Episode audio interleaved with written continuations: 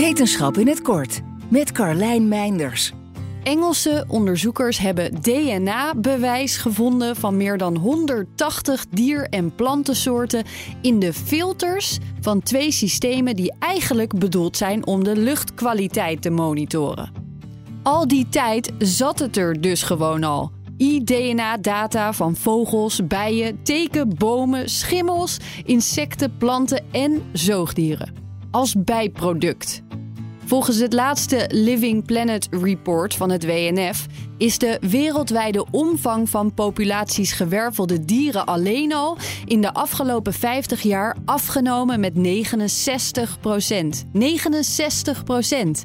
En die lijn zet door. Ook bij insecten wordt een verontrustende afname gezien.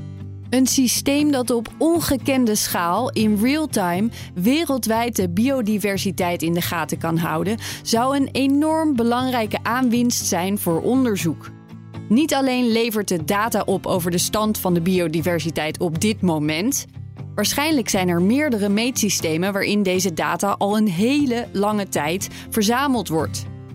Het met zorg verzamelen en analyseren van al deze data wordt nog een aardig klusje waarbij goed samengewerkt moet worden tussen heel veel landen. Maar het grote voordeel is, voor het meten zelf hoeft er niets nieuws te gebeuren.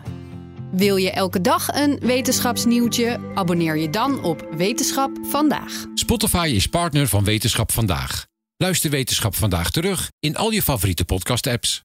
Nieuw 10 is ook duidelijk voor pizzabakkers. Je vraagt lekker snel een zakelijke lening aan. Net zo snel als dat ik mijn pizza's bezorg. Duidelijk voor ondernemers. Nieuw 10, je doelen dichterbij. Een initiatief van ABN AMRO.